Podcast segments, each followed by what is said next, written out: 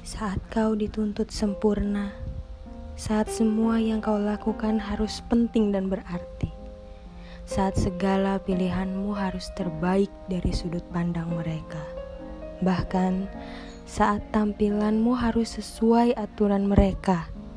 Mereka, siapa mereka? Tuhan pun tidak menuntutmu begitu.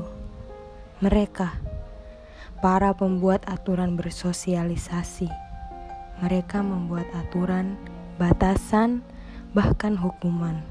Tidak peduli dengan suaramu, pilihanmu, bahkan bimbangmu.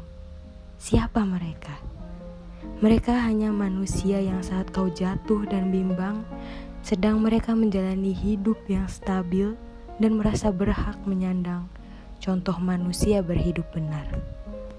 Aku sudah muak, sungguh. Tidak harus segala dalam hidupmu itu adalah tindakan penting. Tidak harus jadi yang terbaik, bahkan tidak harus berarti.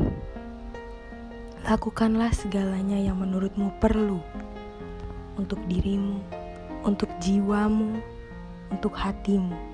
Kau manusia, bukan Tuhan yang tidak bisa salah, tidak bisa menyesal. Berhentilah bersikap seperti Tuhan karena ketahuilah, ketentraman jiwa dan hatimu lah yang menentukan langkahmu menjalani hidup di dunia ini.